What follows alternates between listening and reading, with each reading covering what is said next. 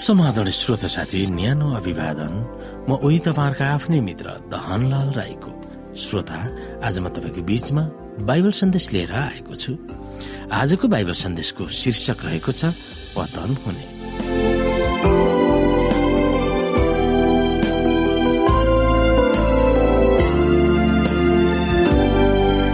श्रोता साथी पावलले बाइबलका केही पदहरूमा अन्तिम दिनहरूमा के हुनेछन् भनेर भविष्यवाणी गरेका छन्।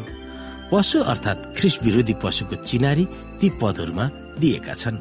हामी हेर्न सक्छौँ श्रोता दुई थेस्लोनिकी दुई अध्यायदेखि। यहाँ लेखिएको छ कि कुनै भविष्यवाणी वा वचन वा कुनै पत्रले प्रभुको दिन नजिक आएको छ भने बतायो भने ती हामीबाट आएका भन्ठानेर तिनीहरूको मन चाँडै विचलित नहोस् अथवा तिमीहरू नआतियो कसैले कुनै किसिमले तिमीहरूलाई धोका नदेओस् किनकि पहिले विद्रोह नभएसम्म पापको मानिस अर्थात् सर्वनाशको छोरो प्रकट नभएसम्म त्यो दिन आउने छैन। त्यसले ईश्वर कहलिएका सबै अथवा पूज्य वस्तुहरूको विरोध गर्छ र ती भन्दा आफैलाई उच्च तुल्याउँछ। यहाँसम्म कि आफैलाई परमेश्वर नै घोषणा गरेर परमेश्वरको मन्दिरमा त्यो बस्छ। शैतानको कामकाज बमोजिम पापको मानिस सारा शक्ति र छलपूर्ण चिन्हहरू र चमत्कार सहित र नाश हुनेहरूलाई छलमा पार्ने सत्सम्म दुष्टता सहित आउनेछ। किनकि तिनीहरूले सत्यलाई प्रेम गर्न र त्यसरी बाँच्न इन्कार गरे। यसै कारण तिनीहरूले झुटा कुरामा विश्वास गरून् भनेर परमेश्वरले तिनीहरूमाथि एक शक्तिशाली भ्रम पठाउनुहुन्छ।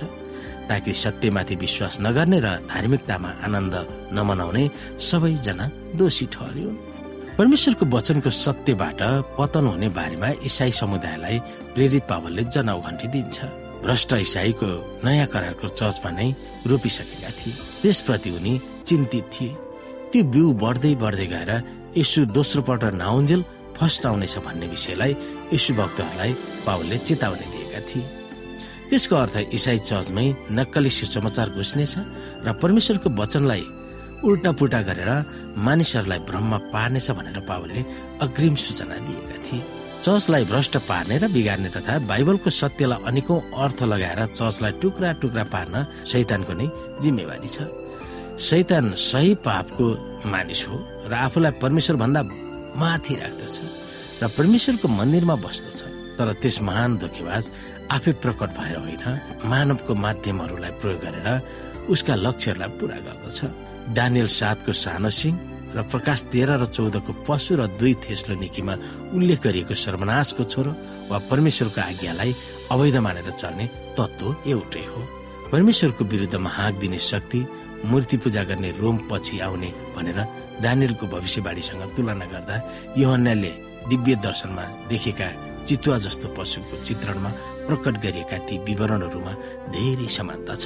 ती विवरणहरूमा सानो सिंह पशुको शक्ति र विधिको शासन नमान्ने वा पापको मानिस छन् जुन एउटै शक्तिलाई औलाइएको छ। यसले हामीलाई के निष्कर्षमा पुर्याउँछ भने दानियल पावल र यहुनाले एउटै शक्तिको बारेमा चर्चा गरेका छन्। त्यो शक्ति हो रोमन क्याथोलिक चर्चको पोप बाइबलको भविष्यवाणीमा जब भ्रष्ट धार्मिक भनेर उल्लेख गर्दछ तब इसाई धर्मको निकायलाई सम्बोधन गर्दछ। जुन इसाई धर्मको निकायले परमेश्वरको वचनलाई विभिन्न दर्शन वा तर्कहरूले प्रदूषित गर्छ।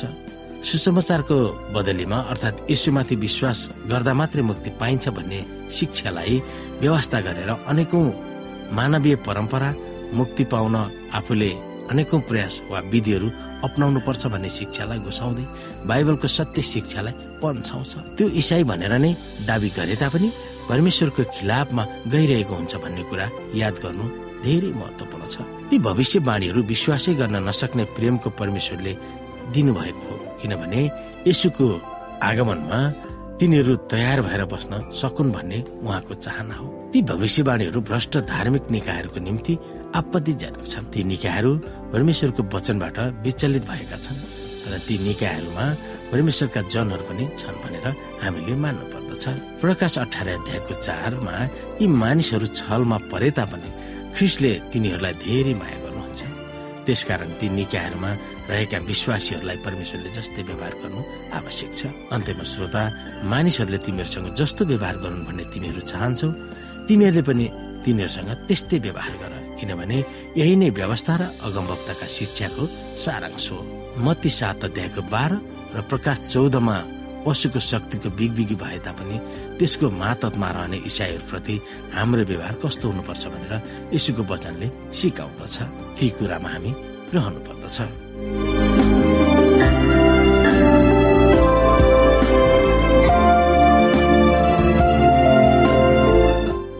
श्रोता साथी आजको लागि बाइबल सन्देश यति नै। हस्त नमस्ते जय मसिंह।